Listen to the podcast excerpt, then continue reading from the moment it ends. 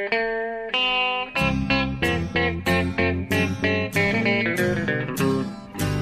out there, we're on the air. It's hockey night tonight. Tension grows, the whistle blows, and the puck goes down the ice. The goalie jumps and the players bump and the fans all go insane. Someone roars, Bobby scores at the good old hockey game. Oh, the good old hockey game is the best game you can name. The best game you can name is the... Hallå, hallå, hallå, hallå, hallå, hallå, hallå, hallå, hallå, hallå, hallå. Yes, hallå och välkomna till eh, NHL-podcasten med Jonathan Hallåmannen Ekliv i Stockholm och Per Bjurman eh, i New York, det vill säga jag då. Eh, för första gången på ett tag. Ja. Vi är ju inte där vi brukar vara i månadsskiftet november-december, Jonte. Nej, det är vi verkligen inte. Jag...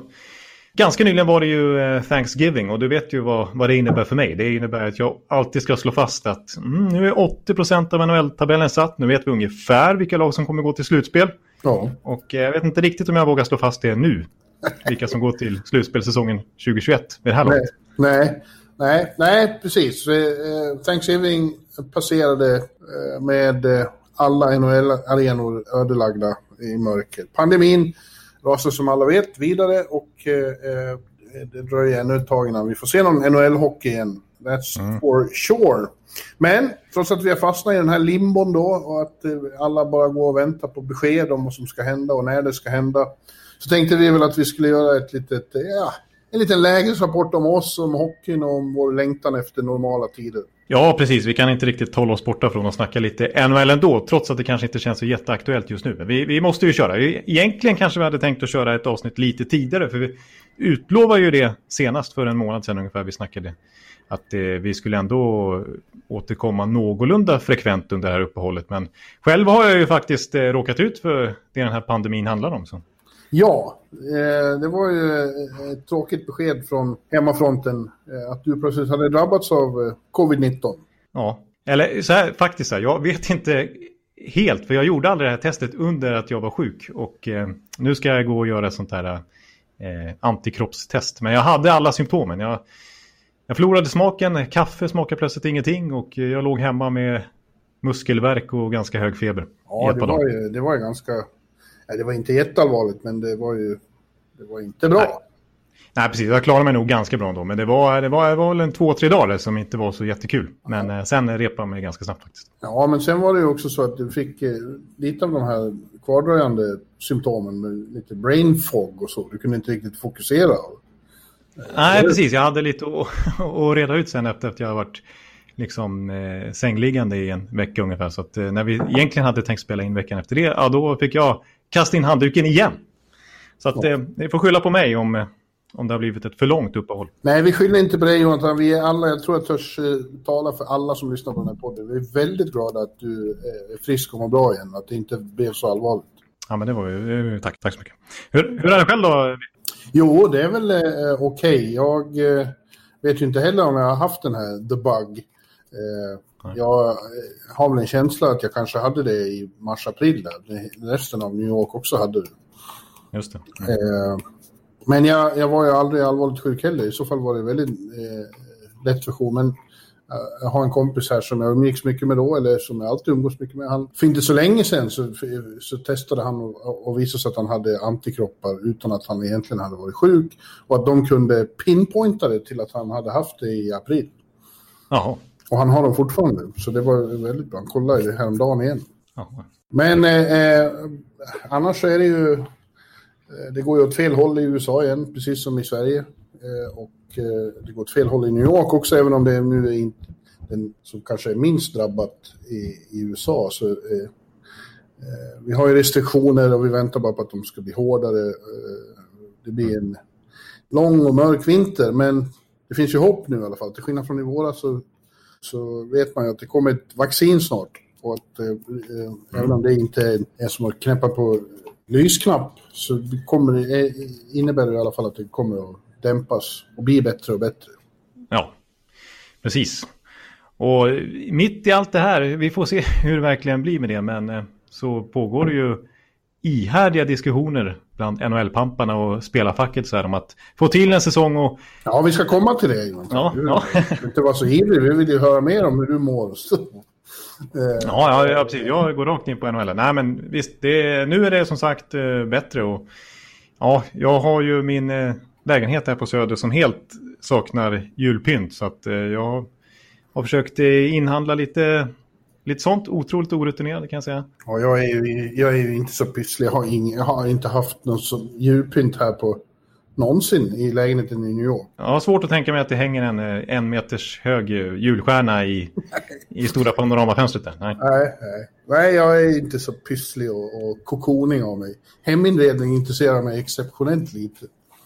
Nej, men du har ju åtminstone en...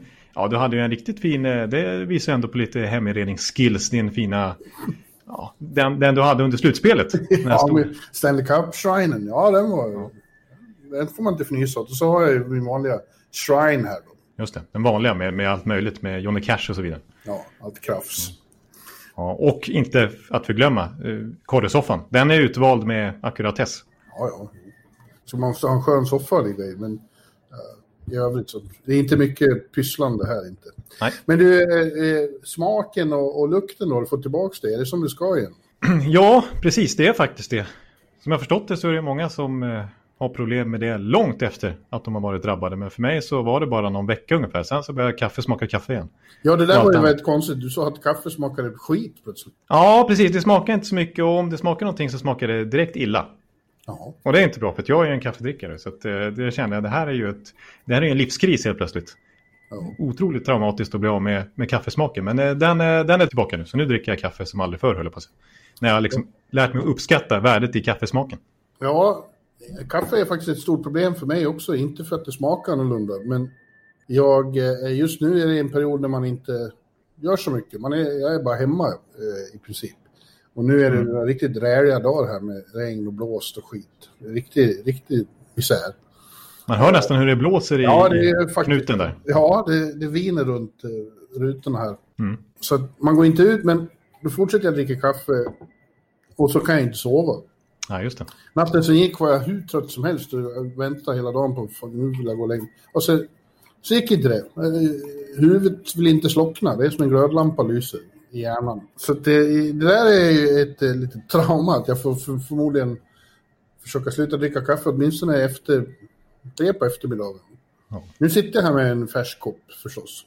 Ja, det är mycket troligt kan det här äh, avsnittet avbrytas av att du ska hämta lite mer och att jag måste sjunga igen. Ja, Jag ska inte Ja. sjunga Bon Jovi igen, men jag fick så otroligt mycket kritik för det. ja det, det var, där gick ju någon slags gräns. Får jag säga att det är inte så att jag är någon Bon Jovi-lyssnare utan jag bara tog första så här liksom eh, typiska radiodängan jag kunde komma på. Ja. Eh, Men jag kom på att jag kanske ska utnyttja de här kaffepauserna till lite bättre musik. Ja, vi får hitta på något. Ja, men... Eh, ja, det kan bli mer kaffe, för vi ska ändå prata lite om vad som händer i NHL. Och som du nämnde där då, vi, eh, det är uppehåll och vi vet inte vad som kommer hända. Jag, så sent som idag såg jag att eh, någon högt upp hade informerat eh, Pierre LeBrun om att eh, jo, de siktar fortfarande på första januari Ja, som startdatum. Och för mig låter det otroligt. Det är bara en månad. Det är exakt en månad idag. ja. Eh, och innan dess måste de ju starta camper och gjort någon träningsmatch och så. Det, ja, det känns otroligt eh, osannolikt.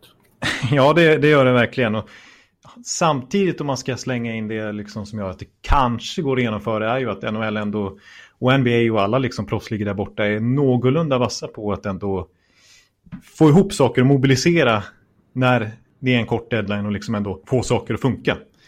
Eh, så, Men det- ja, jag tror ändå NHL känner lite press nu också när NBAs camper börjar nästa vecka och deras säsong drar igång den 22 december. För att de påverkas ju ganska mycket av varandra trots allt. Ja.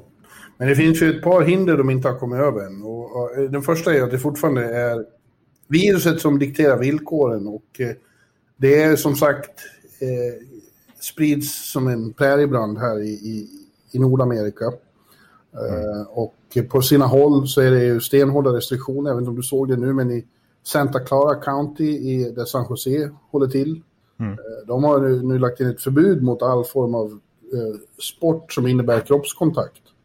Så Ja, ja, just det. eh, Jag såg det. Mm. San Francisco 49ers som nu spelar i de trakterna på Levi's uh, Stadium där, de har ju fått flytta till Arizona plötsligt.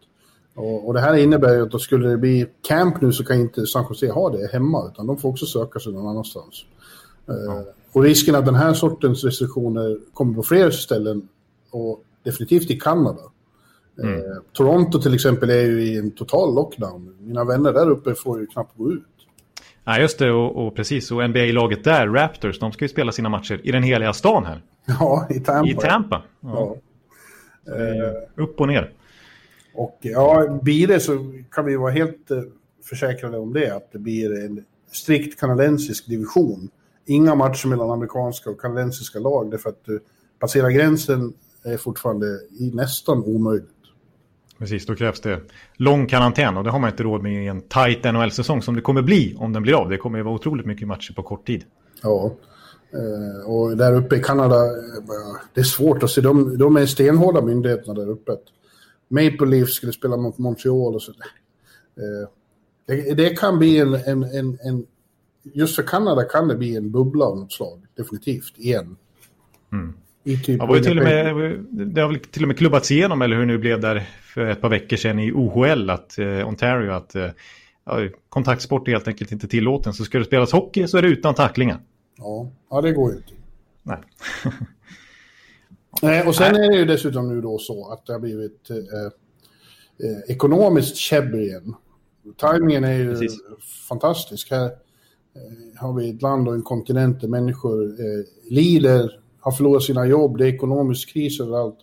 Då börjar miljardärerna och miljonärerna bråka om pengar igen. Precis, för jag upplever att debatten just nu, alltså att förhandlingarna drar ut på tiden och att det inte är lika smooth som det trots allt var där i maj, juni när det slutspelet klubbades igenom, eh, är att ah, det är ju helt enkelt en stor pengafråga nu och det är en rejäl spricka mellan spelarfacket och ägarna i hur pengarna ska fördelas kommande säsong och hur mycket spelarna ska behöva ge upp Mm. Och eh, ägarna ja, blöder kanske mer ekonomiskt än vad de trodde när det nya kollektivavtalet i sin tur klubbades igenom samtidigt som slutspelet. Det är ja. bara fyra, fem månader sedan. Ja, eh, men då, då gjorde de ju en överenskommelse om hur, hur pengarna skulle fördelas den här säsongen. Då. Mm. Eh, men nu, bara för några veckor sedan, så kom ägarna tillbaka, eller ligan kom tillbaka och krävde mer uppoffringar av spelarna. Eh, mm. Och att spelarna då blir förbannade går ju faktiskt att förstå. De hade ju en deal. Eh, och ska den inte betyda någonting då? Men nu är det ju inte så att eh, förslaget är att de ska bli av med pengarna utan de ska refer, refer them. Referrals handlar det om. Så att de, eh, de, de, de kommer att bli ersatta längre fram när, när det är bättre ekonomi för klubbarna. Precis, det, det ursprungliga förslaget var att de skulle, eller det som, det som är genomklubbat i kollektivavtalet den här säsongen som kommer, är att de ska flytta fram 10% av sin lön till typ, ja den ska betalas ut pö om pö mellan 2022 och 2025 istället. Man förväntar sig att klubbarna återhämtar sig lite ekonomiskt. Mm. Men nu snackar ju ägarna om att nej, vi måste dra upp det till uh, siffra som har hört sig uppemot 26% av lönen ska flyttas fram. Ja. Eh, och då får man också ta i beaktande att eh, det är 20% escrow genomklubbat den kommande säsongen. Det vill säga spelarna avstår 20% av sin lön. Ja, ja är, man förstår ju att de inte är jättehappy. Eh, Nej. Eh, och det här är väl... Eh, ja, det finns ju de som spekulerar att det här var ägarnas plan hela tiden. Man vet ju aldrig, det är alltid så mycket teater i de här sammanhangen. Mm, mm. Andra säger att... Ja, man har hört så mycket nu. Larry Brooks skrev en krönika i söndags i New Post om att Ja, eh, ligan tycker att de behöver tre, 300 miljoner dollar till för att kunna genomföra den här säsongen. Mm. Som Larry Brooks eh, föreslog, är det inte bara att be Seattle Kraken om ett förskott på de 600 miljoner de ska betala för att komma in i ligan? Be dem hosta upp 300 miljoner dollar. Ja, precis, exakt. Ja. Men det, det, vill de ju bara ha och, och gnugga händerna åt sen när kraken kommer in. Ja, det pratas ju om att de där pengarna ska inte in i det som kallas hockey-related revenue, som är det som delas med spelarna, utan det ska enbart gå till ägarna, så att säga. Ja. De här 600 miljoner dollarna. Ja, det är mycket snack och det är väldigt lite snack däremot officiellt, alltså från Bettman, från Daily, från Donald Fear, spelarfackets ordförande, ja. och från spelare. För att man vet hur mycket det här skär i öronen, eller vad säger man? Nu blev det ordspråk igen. Vad säger man? Hur mycket det Ja, det skär i hjärtat på dem. I hjärtat kanske. Nej, men hur Det Ja, men hur skär i öronen också. Ja. Det, är Skär i öronen. Ja, jag vill säga att det Det- skär i öronen. det är inte ljuv musik i öronen. Nej, det är inte, inte ljuv musik i öronen för, för eh, oss, allmänheten, för fansen, att höra hur de här miljonärerna och miljardärerna som är ägarna bråkar om kronor och ören, eller dollar och cent i det här fallet. Nej, det är det aldrig, men i synnerhet inte just nu, mitt i en Nej. kris. Precis, när folk går på knäna själva och det är konkurser hit och dit och så ska de här redan rika personerna bråka hit och dit eh, om just pengar. Ja, men just, och så, så just nu då på pappret, det man har framför sig nu, så känns det ju som att hela säsongen är hotad då, de här problemen. Men de jag har pratat med som vet mer och som är in the know, så är att det, eh, det ska ohyggligt mycket till för att de ska ställa in säsongen. Eh, Det, det vill ingen. NHL är väldigt angelägna om att få avsluta den här säsongen, genomföra den här säsongen, bland annat för att tv-avtalet går ut nu. Mm. Eh, Och, och det ska förhandlas om sen och det vore ju ett totalt fiasko för dem om, om de avslutar med att ställa in en säsong under NBC-dealen. då. Nej, precis. Det, det är för mycket att förlora på att inte... Ja, och spelarna, Inte vill, spela alls. spelarna vill ju verkligen spela hårt. Annars har det ju gått... Hur länge så är det? Karriärer går ju om intet. Eh, Precis, och tänk dig en klubb som Detroit eller San Jose till exempel som inte har lirat en match på ett och ett halvt år. Om det inte blir spel förrän oktober nästa år. Nej, nej, det är ju galenskap. Och, ja, tänk vad mycket tråkigt. Då blir det ingen eh, Lundqvist i Washington och så. Och ställa in. Nej. Nej. Så att det måste till spel, men frågan är hur snabbt de kan få till det. Jag hörde också, eller hörde gjorde jag, jag läste på Twitter från någon av insiders, jag tror också att det var LeBrun faktiskt, eh, som hade kontakt med en källa inom spelarfacket att ah, han trodde i alla fall den källan att ah, första januari, det är nog osannolikt, men kanske 20-26 januari någonstans. Då skulle det kunna börja. Ja, i mitten av januari eller framåt eh, första februari. Det blir ju en kort säsong då, väldigt komprimerad. Och möjligen i, i vilken form. Inledningsvis kommer det ju inte vara med fans på läktarna. Men de har ju de har också understrukit att bara för att det börjar på ett sätt måste det inte sluta på samma. Nej, nej precis. Eh, och det, det vill jag lägga till också här med, visst som du nämnde alldeles i början av snacket här, att eh, de ska ju ha, de ska ha camper och sånt. De ska ju hinna värma upp lite. De kan inte bara sätta igång säsongen direkt. Men det pratas om att det kommer bli en rekordkort camp. Ja, Eh, kanske en vecka. Ja. Kanske inte en enda träningsmatch. Nej, man kan utgå från att hockeyn i början av den, denna säsong inte kommer att vara något vidare. Nej, precis. Och, precis. och apropå de här lagen som inte har spelat sedan mars då. Eh, och direkt sätta igång säsongen. Det blir, det blir speciellt. Eh, Ja. Men jag vill, jag vill nämna det också i sammanhanget. eh, För det har ju börjat liksom, diskuteras lite kontroversiella förslag som tidigare varit big no-no för att få in mer pengar i denna svåra situation när, när helt enkelt måste in pengar. Och där spelarna också är intresserade av att ligan ska tjäna mer så att den här, och det här med escrow och allting ska jämna ut sig så att inte spelarna behöver offra så mycket. Eh, och ett sånt förslag är till exempel reklam på tröjorna. Oj, oj, oj. Eh, mer, vilket ju Bettman har alltid varit emot, mer lag i slutspelet. Sådana Ja. grejer. För det är ju mer pengar, men eh, det är ju att nagga på det historiska och det mytomspunna i NHL. Liksom. Reklam på tröjorna, det vore för jävla fult alltså. Och det, har de passerat den eh, gränsen en gång, då går de aldrig tillbaka. Nej, precis. Det, det har, den gränsen har ju passerats i NBA och där har de ju en liten logga som företagen får betala enorma summor för eh, att ha en liten diskret logga på tröjan. Och det tycker jag inte gör så mycket för helhetsbilden. Men det är viss, risken är ju att det blir en lavineffekt och att det till slut ser ut som i Sverige och Ja. Finland och Tjeckien. Ja, ja, ja, ja. Så kan vi ställa ut lite bilar vid sargen och så också. Lite. Ja, just det. Ja, så dit vill ju helst inte NHL gå. Men bara det faktum att det diskuteras sånt lite mer nu än vad det gjort tidigare i alla fall på ett mer seriöst sätt. Jag är inte alls säker att det blir så. Men eh, NHL måste ju hitta pengar. Mm. Det tjänar alla inom ligan på. Ja, visst. I alla fall i det korta loppet. Ja, eh, vi får se. Eh, det är ju också så att eh, problemet med, med viruset då är som vi har sett i hockeyn i Sverige och, och i Europa. Medan till exempel då basebollen och fotbollen har kunnat genomföra sina säsonger. Eh, inte utan problem, men de har i alla fall gått att genomföra. Så är det ju så att hockey spelas inomhus. Eh, och när de inte är i bubblor och så här så kommer det ju att komma situationer där vi har smittade NHL-spelare också. Och de kommer få skjuta upp matcher och sånt. Det får man ju räkna med. precis.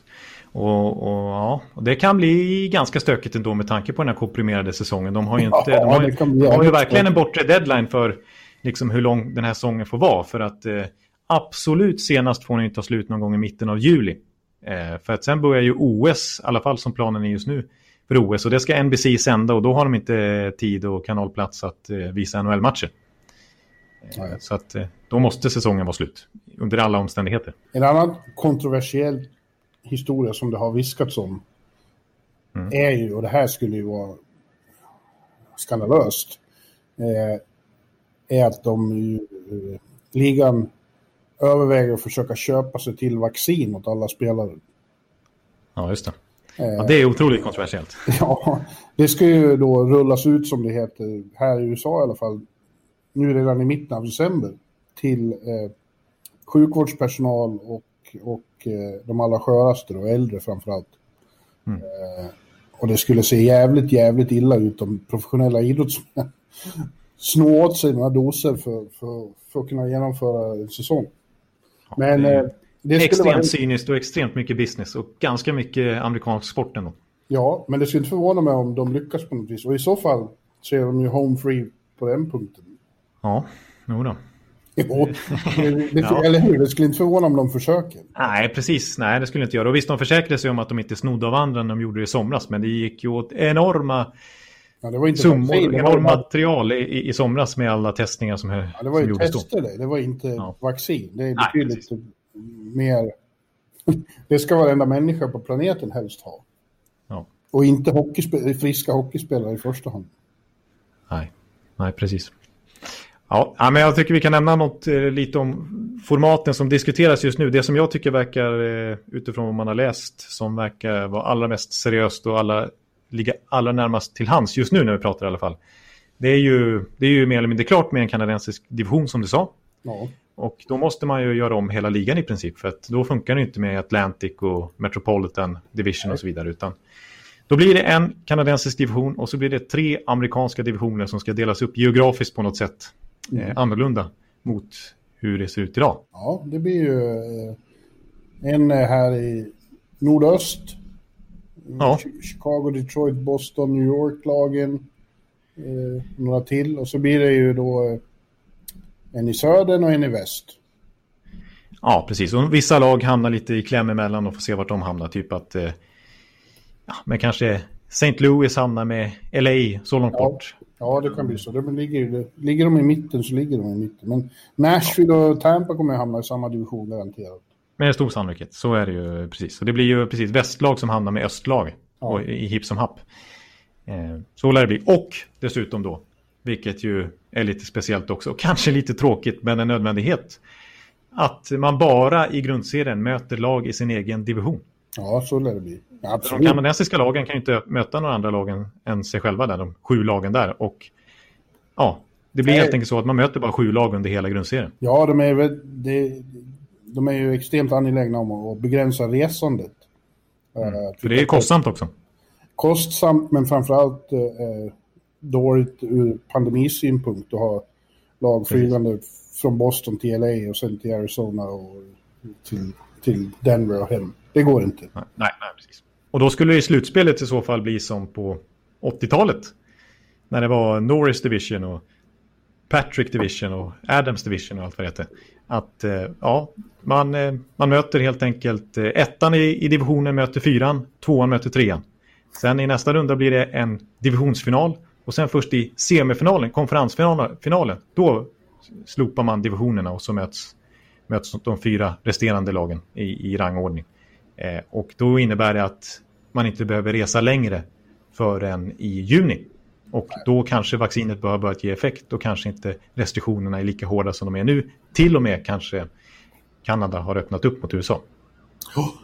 Ja, men, men det finns också fortfarande idéer om, om någon form av bubblor där man bara är på några få ställen och flyger in och ut, inte är där hela tiden. Men eh, eh, det, där, det där är minst smitta. Man kan tänka sig Tampa, New York, eh, ja. till. Jag kan bo i Tampa hela vintern. Ja, ja, ja, för ja, det ja. tackar du ja till. ja. Ja, vi får se helt enkelt hur det blir. Det är, om det ska bli spel först i januari, januari i alla fall, då får, då får de ju komma överens den här veckan i princip. Ja, den här veckan är kritisk säger många. Det måste ske den här veckan. Ja. Så vi kanske får anledning att återkomma redan nästa vecka då.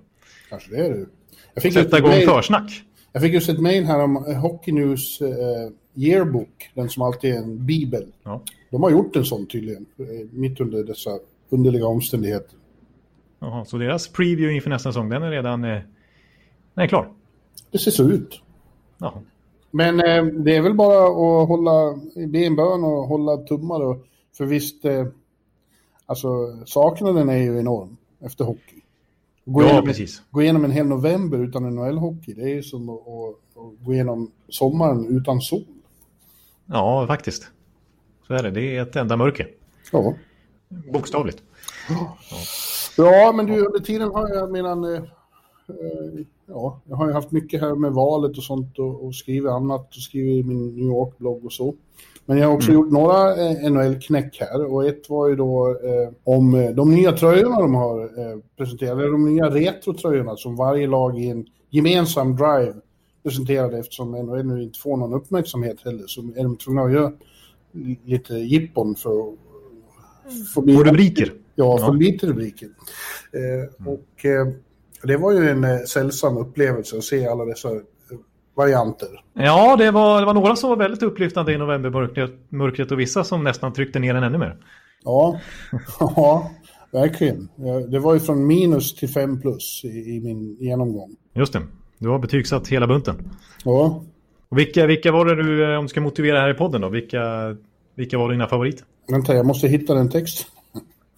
Eh, jag håller på att leta. Prata på du. Ja, men jag kan säga mina favoriter då så länge. Och så har jag några icke-favoriter också, det har man ju onekligen. Men eh, på favoritlistan så, ah, här kanske jag är lite tråkig och väljer de klassiska tröjorna som blev minst lika snygga i den här reverse-formen. Ja. Ja, men typ Montreal tyckte jag var snygg, bara vända på det och köra blåa tröjor istället. Vä- Väldigt snyggt. Alltså, alla är ju eh, en variant på en tidigare tröja från tidigare eror. Mm. Eh, och den där Montreal-tröjan där de alltså bytte och gjorde blå till eh, grundfärgen, den är från 76. Nej, Och det finns ju de som hävdar att 1976 års Montreal Canadiens det bästa någonsin. Ja, just det. Ja, men den var ju jävligt snygg. Men, men de jag hyllade mest var väl, jag, jag är ju ju så old school smak och gillar väldigt stilrena saker. Ja, men det gör jag också. Mm. Så jag tyckte Detroit var nummer ett. Det, det tycker jag egentligen att de är även till vardags. Men... eh, Asså? Den, ja, det tycker jag absolut. Snygga- Ja, alltså till vardags, till vardags håller jag med om det. Men jag blev, nu reagerade jag lite sent här. Men att, att, att, att, eh, att deras eh, reverse retro-tröja var så pass snygg alltså. Den fick fem plus. Mm. Ja. Ja, ja, jag, ja, nej, jag tyckte den var lite... Den var nästan för avklädd. Eller avklädd är fel ord. Avskalad. Vad skrev jag här? Den, den här ännu mer vässade varianten av Wings redan magnifika standarddräkt är så formidabel att Niklas Lidströms unga arvingar skulle kunna trampa runt på Milanos och Paris catwalks i den. Ja, det, det var att ta i. Ja, den var Eh. liksom modern och snygg och, och elegant. Ja, jag tyckte den var för eh, avskalad som sagt och att eh, det nästan blev en träningströja istället. Ja, ja jag, jag håller ju inte med då. Nej, där är vi olika. Där, apropå vita tröjor som den var så tyckte jag faktiskt Dallas tröjor, man bara såg dem i sig tyckte jag inte de var så snygga. Men nu i dagarna när de lanserade, och jag kan tänka mig att det här är en liten vattendelare, så tyckte jag det var rätt coolt med att de kör helvitt. Även byxorna är vita, Ja, spelarnas hjälmar och eh, handskarna är ju vita liksom. Den är Ja. helvit. de fick fem plus också just därför. Och- Men den ska inte, de har ju gjort ett eget ställ strax dessförinnan. eh, Ett Ja. extra ställ som såg för jävligt. Det är helsvarta med liksom neongrönt. Ja, ja. Ja, som vissa tyckte var ascoolt då liksom. Jag tyckte, ja då tyckte jag de vita var snyggare. ja jag, har, jag gillar inte sånt där när det ser ut som eh, serietidning och science fiction och sånt. Det tycker jag är bedrövligt. Därför fick ju Anaheim fick ju ett minus i den här genomgången. Precis, Anaheims eh, ja, ändå klassiska gamla tröjor med, vad heter han, Wild Wing. Eh, den här kalanka figuren typ. Ja, som jag, flyger jag, upp där. Jag tyckte det såg ut som ett eh, klotter på en offentlig toalett. Ja, det, det, det är hårda ord. Jag, jag, jag har ju en finsk Anaheim-kompis, Thomas. Mm. Som, eh, han var sur. eh, över de tröjorna. För han är väldigt Anaheim-nostalgisk men, eh, och, och gillar ju verkligen deras gamla Mighty Ducks-look, vilket ju i princip alla gör. Men den där tröjan blev ju ologisk också, för att i originalform så är det ju som sagt då, det är reversed, så att då är ju färgerna omvända. Så då flyger ju åtminstone den där ankan upp ur isen, den bryter igenom isen. Men nu när färgerna är tvärtom så, så är det ju någon slags grönturkos färg den flyger upp genom. Så det ser ut som en så här försurad insjö.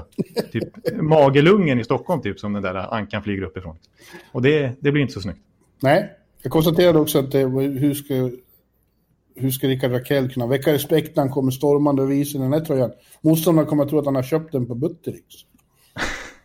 ja, ja. Boston, ja, matt gula tyckte jag också var vansinnigt snygg. Mm. Eh, medan andra, jag tyckte Vancouver var hemskt. Det såg ut som de var hippies på väg till Woodstock. Eh, ja, med de här äh, tonade tröjorna som de hade en gång i tiden. Nu bara med, med grönt istället för rött som tonad färg in i det mörkblå. De har ju så snygga gamla ja, röd-svart-gula tröjor de hade kunnat göra något av istället. Ja, den, tänk den, den som är gul. Herregud vad snygg Jag tycker gul är en underskattad färg på hockeytröjor.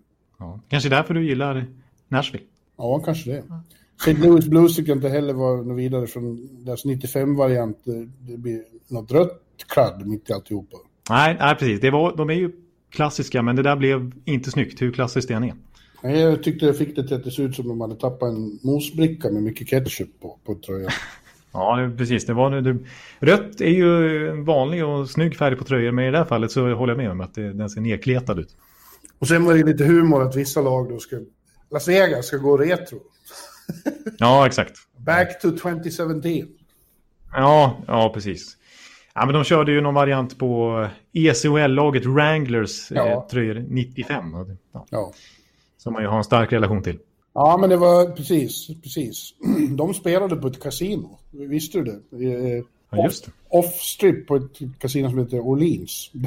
där fanns det en liten rink och där spelade deras Vegas-laget. Det är sjukt. Det borde Golden Knights också göra. Då kan man bo på rinken. ja, just det. Det gör man ju nästan ändå. Ja, det gör man ju för sig visserligen eh, nästan nu också. Ja, nej, men eh, och Colorados tröjor gillar jag också när de till slut eh, erkände lite, eller, man säga, eller i alla fall gav en hommage till, eh, Quebec Nordiques. Ja, verkligen. Eh, det har varit en liten spricka mellan de två, ja, mellan föregångaren och eh, nuvarande klubben i Denver. Eh, där de knappt har eh, velat känna till sin historia i Quebec. Ungefär. Varför det? Varför har det varit så? Ja, jag har... Jag, jag satte mig in i det för några år sedan men nu kan jag inte riktigt redogöra för varför det, det har blivit sån spricka däremellan.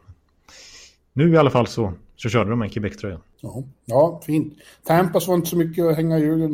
De, ja, de försöker koppla ihop det till 04 men alla andra varianter de har nu tycker jag är snyggare än vad den här var.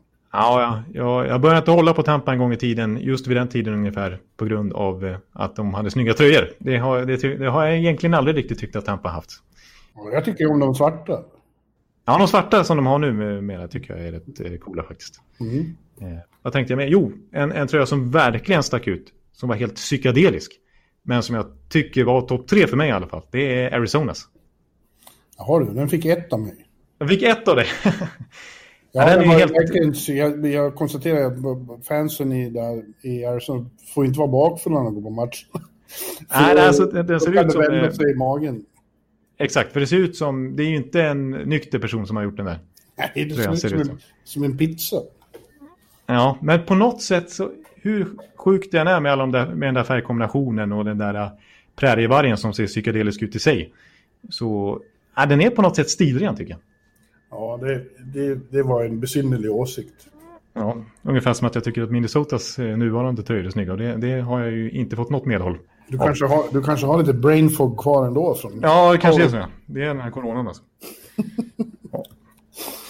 ja, ja men... Eh, ja, vi får ju hoppas att vi får se de här tröjorna då. Det skulle ju vara kul. Eh, ja. Någon gång. Ja, precis. Kanske i januari, vem vet. Ja, men på tv ja. Men det skulle vara kul att se dem i verkligheten. Ja, just det. Tror du att jag får sitta på garden och se eh, Rangers i sin eh, Statue of Liberty-tröja? Ja, det kan bli tufft. Kan... tufft ja, i alla fall ifall det kommande året. Vi får se. Ja, kanske att du får göra det ändå. Måste jag ju få. Vad fan, pressläktaren, vi kan sitta långt från varandra och in, inte störa spelarna. En tom garden sitter och hockey, vad sjukt. Ja. ja, då är nästan korresoffan eh, lika bra. Nej, du vill, in, du vill ju nej, känna. Nej och nej och nej. Jag har sett den här korresoffan till förbannelse i, i åtta månader nu. Ja, jag köper det. Jag köper det. Men du, eh, vi har en liten, eh, innan vi kommer in på det, men jag ska bara tisa lite grann att vi har en lista med de tio bästa nyförvärven inför kommande säsong eh, förberedd. Eh, så eh, tänkte att vi ska... Du har? Ja, jag har det i alla fall. och du har några funderingar också. Mm. Eh, men eh, så tänkte vi två ganska färska nyhetshändelser, liksom signingar eller liknande på NHL-fronten som jag tänkte vi kunde ta upp. Dels Sergachev, då blir det ju Tampa Fokus, jag ber om ursäkt, men att han har skrivit på ett nytt kontrakt. Och att Johnny Boychuk har lagt av. Ja, Johnny Boom Boom.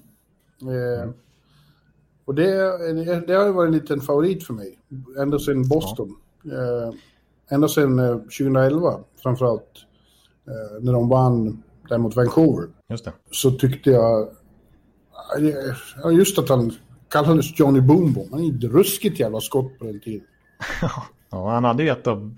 Han utmanade sin dåvarande lagkamrat Chara om att skjuta hårdast i NHL. Det var ju han och Webber och, och Chara. Ja, han verkade så väldigt cool också. Men han har haft skadeproblem på slutet och, och, i flera år.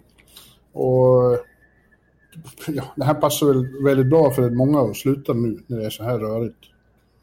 Precis, och ska man vara cynisk, för Nej. det här är ju... Det, det, ja, för det är, det är tråkigt naturligtvis för Borsak att lägga av på grund av skada. Han har ju gällande kontrakt eh, i ytterligare en säsong efter den kommande när den nu blir av. Eh, men det är ju den här ögonskadan han drabbades av i mars Eh, när han fick, det var väl Arturi Lekkonens skridskoskena upp i ögat och eh, vad det verkade som då klarade sig själva ögat ganska bra. Det var framförallt ögonlocket som fick ta värsta smällen. Någon plastikkirurg fick sy 90 stygn för att lappa ihop det där. Eh, men han kunde faktiskt spela några matcher i bubblan för New York Islanders när de gick till semifinal.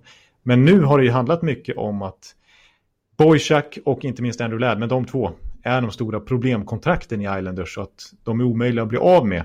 Och eh, har gjort det väldigt svårt för dem att signa Matt Barzal, franchise-spelaren, som fortfarande inte signade vid det här laget faktiskt. Eh, men nu försvinner helt plötsligt 6 miljoner dollar från lönetaket när, när Boisak är borta. Och eh, det är ju cyniskt nog då, en liten blessing in disguise för Islanders, även om de aldrig kommer säga det utåt. Nej. Ja, nej. Tråkigt. Men du, eh, Sergachev då, det var ju beskedet från Tampa det var klart, var, det var aldrig på tapeten med något annat. Nej, alltså han är ju superviktig back där bakom Victor Hedman. De har ju Ryan McDonough också, men Sergachev är ju den unga, nya, kanske nya Hedman. Det tog ju några år för, för Hedman att etablera sig i NHL och, och nå upp till den potential och den hype som fanns kring honom. Och lite liknande har det varit med Sergachev. Alltså, visst, han har varit bra, men kanske inte riktigt fått det där stora genombrottet. Gjorde en bra säsong i fjol och var hyfsat betydelsefull nu i vägen fram till Stanley Cup-bucklan. Men man väntar ju fortfarande kanske på det här riktigt stora genombrottet och nu börjar han ju hinta om att det är på väg. Jag tror att Sergachev kan bli ännu mycket bättre back än vad han är idag. Och eh, det här kontraktet på nästan 5 miljoner dollar i tre år är ju ändå ett litet Tampa-kontrakt. Alltså lite, lite på den billiga sidan, får man du, säga. Du tror att han är en framtida Conn Smythe-vinnare? Ah, ja, precis. Det var jämföra med Hedman på det viset. Det, det, tror jag inte. Den nivån har han inte i sig, men... Eh, han skulle kunna spela ett första backpar, liksom, onekligen. Den kapaciteten har han ju. Ja. Men du, vad, vad innebär det här för, i, för resten av truppen? Nu? Ja, precis. Alltså, man eh, måste ju signa Sergejev. Han är så pass viktig som sagt. Men nu ligger man ju över lönetaket. Nu har man två miljoner mer än vad man får ha. Och inte ens en full trupp. Och dessutom är Anthony Sorrell inte signad. Han kanske också vill ha 4-5 miljoner, miljoner dollar i lön. Och eh, Erik Sernak, ordinarie back, också utan kontrakt. Så det är ju det är ju riktigt snårigt där. Man måste bli av med upp mot 10 miljoner dollar i lön för att eh, komma under lönetaket. För att annars får man inte spela. Om NHL sätter igång men, men Tampa inte är under lönetaket, då blir de ju diskvalificerade. det vore, eh, det vore tråkigt. Det är ju fiasko. Så att, och de försökte ju på alla, med alla medel bli av med Tyler Johnson. Ingen nappans ens på det där kontraktet på waivers. Så att ska de bli av med honom, vilket de försöker så måste de förmodligen addera kanske ett första runda val eller något riktigt bra för att någon klubb ska vilja ta det. Mm. Eh, och eh, ja, Alex, Alex Killorn, André Palat, Janni Gård, det skär i hjärtat. Nu sa jag det. Det skär i hjärtat Ja. Att eh, någon av dem måste lämna. Det har ju till och med pratats om Steven Stamkos, vilket ju verkligen skulle skapa drama. Eh, men, eh, men det finns ingen man vann ju trots allt. Det finns ingen som kan ta det kontraktet nu. Nej, precis. Det, det, och han ska gå med på att flytta då dessutom. Ja. Han har en full no movement-klausul. Eh, det där tror jag bara är drama, drama från fansen.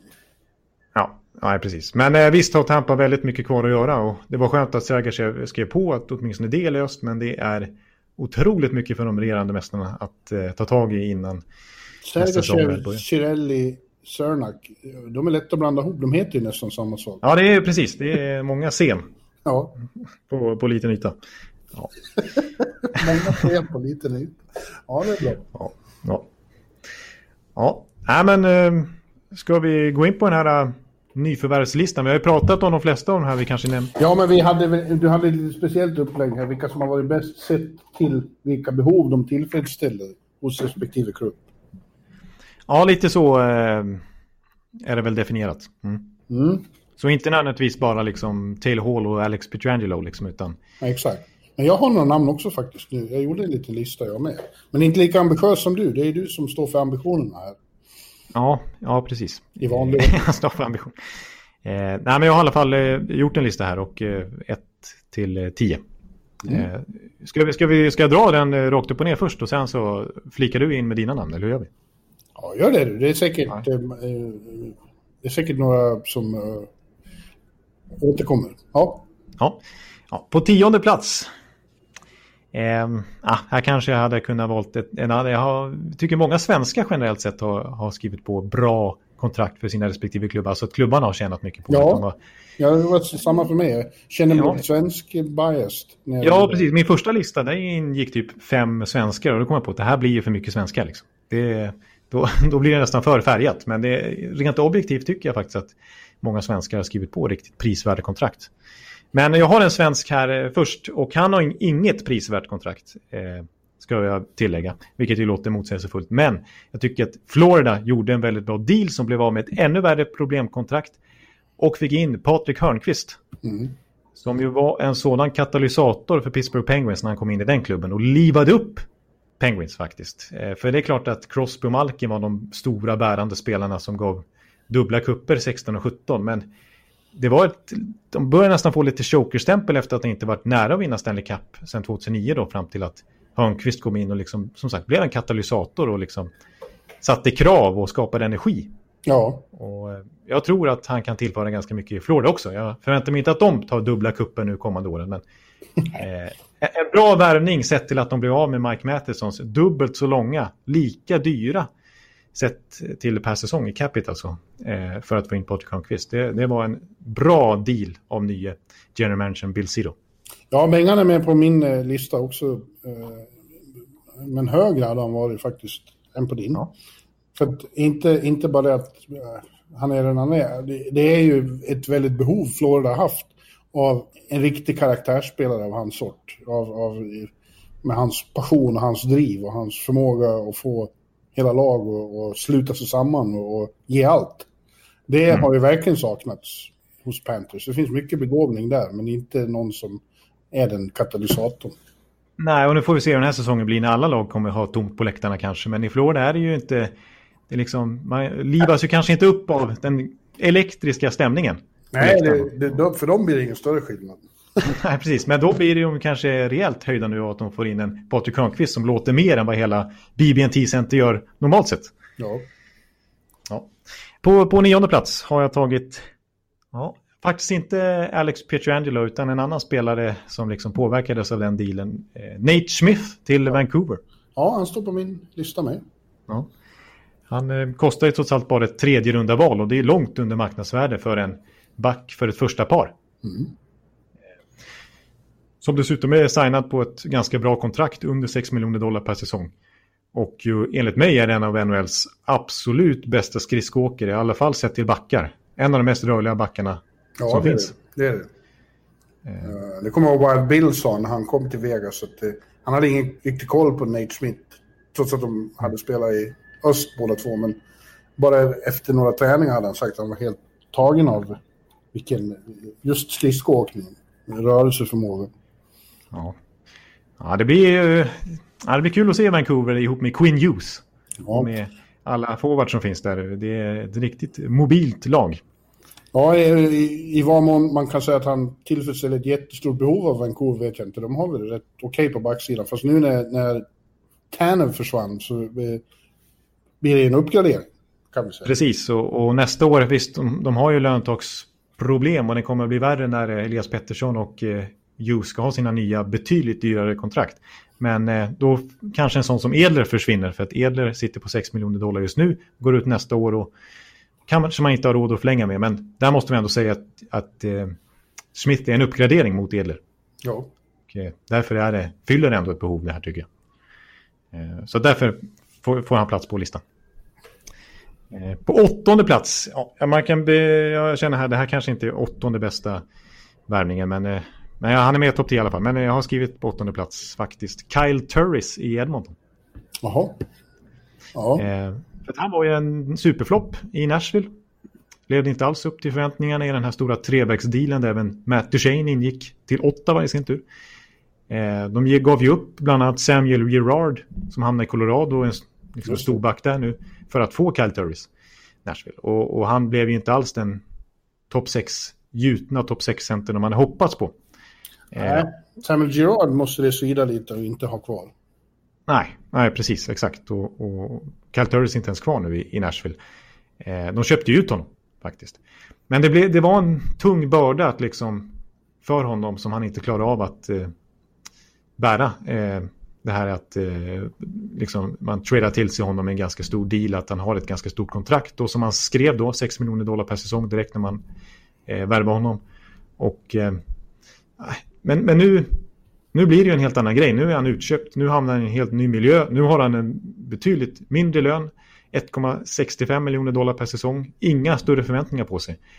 Och vi såg det till exempel i VM eh, så sent som 2019 när han fick byta miljö, inte hade den typen av krav på sig och var en av Kanadas absolut bästa spelare i den VM-turneringen, gjorde en poäng per match. Och eh, överglänste många större NHL-stjärnor i den turneringen. Så att eh, Cal Turris med, med, utan press eh, som tredje center ett behov som Edmonton verkligen hade. Eh, tror jag är en bra fit för båda parter. Ja. Mm. ja är ingen, det är ingen bomb, men eh, ja, kanske. Den liksom fyller ett behov. Ja. Och, eh, ja. på, på sjunde platsen spelar som jag pratat rätt mycket om i, i tidigare avsnitt. Eh, Andreas Jonsson till New Jersey Devils. Mm. Är han med på din lista? Nej, så, så långt kommer jag inte. Nej, han var ändå en svensk som fick följa med här. Tyckte jag för att eh, han kostar ju bara Joey Anderson som är halvspännande prospect och inte någon offensiv spelare utan en energispelare som kanske kan etablera sig i NHL. Medan Jonsson är ju en, är ju en NHL-spelare. Han gjorde ju faktiskt 20 mål senast vi spelade en hel säsong. Ja, jag tycker och, han eh, känns som ett väldigt eh, lovande namn i, i den miljön där i Newark. Precis, och jag kommer ihåg när jag följde Syracuse Crunch, alltså Tampas AHL-lag i deras Cup Run 2018. Eh, chanslösa mot Toronto Marlies. Eh, där ju, han spelade i AHL då, Andreas Jonsson. Där han var MVP i hela AHL-slutspelet när Marlies vann Calder Cup. Han har etablerat sig i NHL och varit väldigt bra. Det som är lite frågetecknet är ju hans skador, knäoperation och han har haft hjärnskakningsproblem tidigare också. Men en frisk Andreas Jonsson är en eh, topp 6-spelare eh, redan nu. Absolut. Eh, på sjätte plats, en, eh, ett annat eh, nyförvärv som vi har hyllat i tidigare podder. Både du och jag tror jag. Eh, Brandon Saad. Saad. ja. Eh, till eh, Colorado. Kostar ju bara Nikita Sadorov som ju visserligen är en etablerad bra NHL-back men som knappt platsar i Colorados numera fantastiska backuppsättning. Ja, nej, visst. Det cementerar ju bara bilden av Colorado som just nu det kanske mest kompletta laget. Precis, så ja, Brandon Saal var just den typen av forward de behövde få in tycker jag. För att eh, argumentera för det någon podd sen också då, att, att de behöver inte ha in någon fantastisk liksom, powerplay-spelare som, som ska spela första PP. För det är redan satt, utan de behöver ju ha 5 mot 5 produktion. Någon som är van att producera med liksom, trots bara 14 minuter per match och spela i andra tredje kedjan. Och det är ju Brandon Saad van vid. Han gjorde 21 mål förra säsongen i Chicago, 20 i 5 mot 5, bara ett i PP. Ja. Så, så, och han kommer med lite rutin också från sina kupper i, i Chicago. Så, Så att, eh, passar perfekt in i behovet som Colorado hade. Just det. Och på femte plats en spelare som jag tror du hade högt på din lista och det är eh, Jesper Fast. Nej, jag har inte gjort någon tio-lista. Jag bara skrev ner några namn. Och, och Quickie fick jag, glömde jag bort faktiskt. Ja. Eh, men det är ju... Det har vi pratat om mycket också, att han var ett fynd för Carolina och att det kändes konstigt att Rangers bara släppte honom, även om vi har pratat om deras ekonomiska situation. Men det, det, det var ett för billigt... Alltså, Quickie är värd mer. Ja, hade, ja, det är ju det som man känner. Kostar det inte mer och var inte längre, då hade de väl kunnat eh, försökt ha kvar honom, tycker man. Ja. Precis, alltså eh, fem år i rad blev han framröstad av spelarna själva i Rangers till den bästa lagspelaren. Players Player Award. Ja, Eh, och det har alltså aldrig hänt i New York Rangers historia sedan det där priset instiftades 1959. Att en spelare har fått priset fem år i rad. det säger någonting. Ja, precis. Och dessutom så ligger han ju stadigt runt så här 30 poäng per säsong. Så man vet ju alltid vad man får av Jesper Fast. Ja, och eh, ja, alla lag. Han skulle fylla ett behov hos alla eh, och kommer att göra det i Carolina också. Jag tror han kommer bli en riktig Rod Brindamore-favorit. För han känns som en typisk Brindamore-spelare. Ja, exakt. Eh, Och sen då har vi fyra, snart pallen här. På fjärde plats har jag satt Yevgeni Dadonov till Ottawa. Jaha. Och jag vet inte vad han ska göra i Ottawa faktiskt. Nej. Men, men det är ju alldeles för billigt där också känner jag. Jag förstår inte, jag förstår inte alltså 5 miljoner dollar för ett 3-4 års kontrakt för Yevgenij Dadonov som ändå ja, senast vi spelade en full säsong som sagt 75 poäng året innan, nästan 70 poäng. Han gjorde väl kring 50 poäng den här säsongen innan stoppet kom. Det är ju en, det är ju en första kedjespelare. Ja, och som trivdes bra ihop med Barco. Ja, precis. Och det här vill jag lägga till också. Eh, han skriver alltså på för 5 miljoner Ottawa där det är som värst, eller, hur man nu ser det, men för spelarnas ekonomiska eh, synvinkel i alla fall, eh, sett till skatter. Ja, Så alltså en capita på 5 miljoner dollar i Ottawa som han skrev nu, det motsvarar en, capita på 4 miljoner dollar i Florida. 4 miljoner dollar för Yevgenij Dadonov. Varför förlänger han inte i Florida? Vad gör ni, Panthers? Och jag tycker så här, Nashville som har samma skatteregler som Florida. Yevgenij Dadonov för 4 miljoner dollar. Slå till David Poyle. Han ska inte spela i Ottawa. Nej. Poyle väntar på Hoffman han. Ja, det kan vara så. Han väntar på en annan gammal Florida-spelare. Men eh, en otroligt prisvärd deal för ett lag som söker prisvärda dealer i Ottawa. Eh, måste jag ändå säga. Eh, och då har vi pallen. Mm. Då har vi på tredje plats, brons, bronsplats, jag satt eh, en som gjorde fiasko och sänkte sitt marknadsvärde inför den här eh, off-seasonen i Toronto. Men som jag tycker ändå att Edmonton kapar lite grann här i Tyson Berry. Ja, Eh, vad var det? 3,7 miljoner någonstans där eh, miljoner dollar för ett ettårskontrakt eh, för Tyson Berry. Och eh, det är ändå, alltså även om han floppade i Toronto så gjorde han ändå nästan 40 poäng. Och vi ska komma ihåg att de senaste fem åren så är han topp 10 bland backar i ligan när det kommer till poängproduktion. Så normalt sett så är han väldigt pålitlig. Och han gjorde alltså 59 poäng för två säsonger sedan. Eh, och nu ska han spela i samma PP som Conor McDavid. Det var ju han som ringde med Barry och sa att kom hit till Toronto och spela i mitt PP. Ja. Och då tackar han ja. Då tackar han nej till 6 miljoner dollar av ett annat lag, påstås det. ja eh, det, det är positivt för Edmonton eftersom det, det har vi pratat om många gånger att det är svårt för dem att locka spelare till, till sin håla ute på prärien. Ja, men de har i alla fall eh, McDavid som kan, Ja, som kan de har ringa. det. De har ju det. Och nu när Klefbom dessutom är långtidsskadad så, så behövde de en ny PP-back. Ja, ja det kan nog bli bra. Och sen har vi då eh, topp två och på andra plats så har jag en, en spelare som jag tycker säger emot mina statuter vad, en, eh, vad, vad ett nyförvärv gäller. För det här är alltså en draftad spelare. Men det var fem år sedan han var draftad och han har inte spelat i NHL någon gång. Eh, Så därför räknar jag ändå som ett nyförvärv på det viset. Annars skulle man kunna dra in sig Lafreniere och sånt där, men det gör jag inte. Det ska ju vara en nyförvärv. Och då blir det Kirill Kaprizov från KHL till Minnesota Wild. Mm. Den här äh, potentiella åtminstone superstjärnan de har väntat på. Alltså, regerande skytteligavinnare i KHL gånger två. Skyttekung när OAR vann OS 2018. Han har ju varit den bästa skarpskytten utanför NHL i många år och nu till slut kommer han över och äntligen får Minnesota en liten fixstjärna. Ja, du har, du har hyllat honom eh, väldigt, så jag ser mycket fram emot att se honom. Ja, precis. Så att vi får se. Antingen blir det en ny Panarin eller så blir det en ny Chipachov och han är borta, borta i mars. Liksom. Men han känns seriös. Han var ju med i, i sin satsning här för att komma över till NHL. Han var ju med i bubblan med Minnesota trots att han inte fick spela. För att han vill acklimatisera sig till Nordamerika. Han vill lära sig språket snabbt här. Han vill komma in i det och göra en impact direkt och inte behöva liksom, att det ska bli en chock för honom när han väl börjar spela. Utan han ska liksom redan vara inne i det när pucken släpps. Ja. Mm. Ja, intressant för nu har jag några namn som du inte har med då. Ja, okej, okay, spännande, spännande. Men då tar jag bara första platsen då. Mm. Och det är ju då kanske hur man än definierar listan så känns det som att den här spelaren skulle komma nummer ett på de flesta listor. Och det är ju ändå Taylor Hall för 8 miljoner dollar på ett ettårskontrakt ja. i Buffalo. Ja.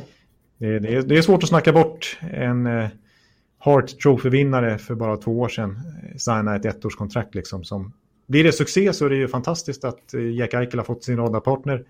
Blir det fiasko så kan man trada bort honom vid deadline mot första rundeval och så vidare. Så att... Ja, det är, det är helt lysande och out of the blue. Ingen såg det komma. Nej, nej precis. Så att, eh, Hall nummer ett. Ja. ja, de jag saknar då på den listan är, är Paul Stastny till Winnipeg. Eh, ja. Det är ju ett hål där det har varit ett hål ända sedan han försvann för några år sedan. Taylor Hall? Nej, jag, Paul jag, jag, jag, jag, skojar, jag skojar. Jag skojar. Oh, det, var, det var tråkigt. Det var tråkigt. Ja. Vad dåligt. Hål! Ja. Ja. Ett hål. Okej, okay, jag förstår. Mm. Som vi säger på Borlänge, var ett hål. Ja, ja ett sånt ja. Mm. Eh, Paul Stastny. För, för det, han, det var ju ett tomrum efter honom. De hade ingen, hade inte haft någon bra andra center sen han försvann. Nej. Och nu kom han tillbaka och fyller det tomrummet själv. Precis, och det var enda gången som man kände att Patrik Laine faktiskt hade personkemi med någon. Det var ju med Stasny. Ja. ja, och det är det kanske viktigaste av allt. Eh, att de får igång Laine igen. Så det blir som två nyförare nästan. Ja, precis. Ja, och sen Markan då förstås. Eh, snacka om att tillfredsställa ja. behov i Calgary. Ja, precis. Alltså, anledningen till att jag inte tog med honom, men kanske skulle ha gjort det ändå, det är ju att kontraktet är så pass fett för en 30-årig målvakt. Men de har sökt med ljus och lykta efter en första keeper och nu får de ju i princip garanterat en de, starter här i många år framöver. De har gjort det sedan Kiprosov hade sin storhetstid, 2004, ja. 2005. Ja, så att, eh, så att absolut, Markan, när, när det ska, det, definitionen här var ju ändå eh, att det ska fylla ett behov inte minst och, och det gör ju Markan tveklöst. Absolut. Jag skulle också bara som eh, jag kräver inte att han är med på någon lista, men eh, Big Joe, Jumbo Joe Thornton i Toronto tror jag också fyller ett behov där av, av eh, på mer symboliskt värde kanske. Ja, jag såg bara precis innan vi satte oss här att Brian Burke totalsågade den värvningen. Jaha. Men eh, vad ska han göra i Toronto? Men som du säger, visst, det är ju verkligen en lagpappa de får in där som kan inspirera på ett väldigt speciellt sätt. Ja, det tror jag. Mm. Mm. Ja, ja. Det, ja, det finns säkert många exempel till, men eh, där hade vi bra exempel tycker jag. Verkligen. Ja, nu har vi faktiskt suttit och, och pratat på här i en timme ungefär. Ja, men vi är inte klara. Jag kom på en så det är en läsare som har varit väldigt ivrig på Twitter och uttryckte stor besvikelse när vi hade säsongsavslutning och han inte fick höra det han har begärt. Eh, han vill höra eh, go-kart-historien med Ekeliv. Jaha, ska den eh, köras nu alltså? Jag har inte kört den i podden eller? Nej, tydligen inte. Den här läsaren, jag kommer inte ihåg vem det var nu, eh, har bara hört fragment tydligen. Eh, och, okay. och, eh, och fått för sig att det är en eh, underbar historia, och det är det väl också. Eller, eller framförallt är den ju en, en, en sedelärande historia om varför du aldrig ska skaffa körkort. Nej, precis. Jag är 30 bast och har inte körkort. Eller snart 30 bast i alla fall. Eh, och eh, det var så länge sedan jag berättade den här storyn så att jag måste liksom fiska fram den i minnet lite grann. För det är, jag brukar gömma undan den för det är ju lite trauma. så att det, jag vill helst inte påminnas om det. Men eh, okej, då ska vi se hur det var. Det, det... Vi måste ju, vi måste ju eh, eh, tillgodose våra lyssnares behov. Ja, precis. Det här är ju apropå behov. Ja, ja. ja nej men eh, jag var ju kanske 11 bast. Eh, lille, på, på Öland. Lille Ondskan. Ja, lill, lill, lill Ondskan, eh, som var med en kompis på hans landställe på Öland. Och så skulle vi åka go-kart och han hade sin eh, lillebror med sig. Med, eh, jag fick följa med som kompis till, till, min, till min kompis. Och hans lillebror hade också en kompis med sig. Med sig. vi var fyra stycken totalt och vi var lite äldre och, och, och de andra två var lite yngre. Eh, och vi körde tävling och det var ju otrolig prestige. Dels mellan mig och min kompis och dels att det inte var sämre än lillbrorsan. Liksom, och hans eh, kompis. Så det var ju det var, det var ett rejält race där och vi, vi körde på ordentligt. Problemet var ju att jag var ju trots allt bara 11 bast så jag var ju en liten skit. Och eh, den här go-karten som, som jag eh, fick, eh, den var ju för stor för mig. Eh, jag tror jag tog en så här liksom vuxen go-kart typ för att jag ville verka lite stor. Eh, så att dels fick jag ha lite kuddar där bak så att jag överhuvudtaget skulle nå fram till pedalerna. Och trots det så nådde jag inte riktigt fram till pedalerna. Så varje gång jag skulle bromsa eller gasa så var jag tvungen att luta hela min kroppsvikt mot den pedalen för att nå fram. Och det gjorde att det var inte så praktiskt i kurvor och sådär. Eh, när man eh, måste vara lite snabb på pedalerna. Eh, så det var ett, ja, jag gasade mig igenom i princip hela det loppet. Det fullständigt livsfarligt, slira hur mycket som helst. Men på något sätt så, så slogs jag ändå om ledningen. Och när vi kommer in i sista, sista kurvan och ska ut på sista raksträckan. Då har jag chansen att gå upp i topp. Och jag ligger ju liksom med 100% av min kroppsvikt på gaspedalen. Och eh, precis då kliver liksom tävlingsledaren ut på banan och, och, ska vinka in oss i depån och säga att nu ska ni bromsa in och svänga in här för nu ska nästa gäng få köra. Och det jag borde ha gjort då är ju, för att jag låg liksom, jag hade, kunde omöjligt bromsa in då. Eh, så jag skulle ju bara kört, liksom swishat förbi han och kört ett varv till. Men eh, jag var 11 bast, jag förstod inte bättre så att jag körde in i depån med full fart. Eh, och där stod ju då liksom kanske fem, sex nya 11-åringar och väntade på sin tur med sina morsor och, och farsor. Och jag kom in som en kamikaze-pilot. Och ja, det, är, det är fullständigt livsfarligt. Så att de kastar sig och de, alltså det, det, är liksom, det skriks panik. Och jag får panik och till slut så lyckas jag vrida hela min kroppsvikt så att jag kommer på bromspedalen istället. Och tvärnitar så att liksom, fordonet ställer sig på, fram, på framdäcken och, eh, ja, eh, och sen så liksom bara tar det stopp och sking, liksom allt skingrar sig som i någon slags krigsfilm ungefär när, när allt är över. Och eh, jag kliver ur där totalt i chock och vill samtidigt ha kvar det här att jag ska bli lite cool inför de här lillbrorsorna. Så, så att jag hoppar ur där och, och, tänk, och säger typ så här, för, liksom, hör mig själv säga så här, det där var ingenting. Typ. Det där var lite, ja, sådär ja. Och jag vann, eller något sånt där liksom. Och det nästa som händer är att jag har ju tio morsor och farsor ovanför mig som skäller ut mig efter noter. Och gråtande barn i bakgrunden liksom. Så att, ja, undra på det. Ja. Så att eh, efter det... På Öland. Ja, så efter det så har jag... Nej, det har varit svårt att sätta sig i en bil igen. Alltså. Det var ju speciella omständigheter så jag skulle ju kunna ratta ett fordon. Jag vet det, jag har kört go-kart igen sedan dess faktiskt. Men inget körkort. Nej, det är bra. Jag känner efter att ha hört den här historien några gånger att det, jag, jag kör. Ja. ja, det är nog bäst att du kör. För du, har ju, du har ju kvalitet. Jag har ju sett dig ratta, ratta i, i snårig trafik. Ja, när jag blev stressad här i New York och behövde komma fram. Ja, precis. Och det såg ut som att Elias Pettersson eh, körde igenom liksom ett eh, LA Kings-försvar ungefär. Mm. ja, precis. Ja, men eh, tack för den historien, Jonathan. Den var ju efterfrågad, så vi, vi eh, gläds åt det. Ja, nu är den out there i alla fall. Ja. ja. Och då och, sätter vi väl punkt för det som var 307 avsnittet. Det glömde vi att berätta i början, tror jag. Ja, 307 alltså. Ja, och eh, så återkommer vi med 308 Ja, vi får se. Det kan bli nästa vecka och det kan bli senare beroende på vad NHL gör. Nu ringer det, så det är väl en signal om att ja. det är dags att, att lägga på. Vi säger så. hej allihopa! Hej, hej! Hallå, hallå, hallå! Hallå, hallå, hallå!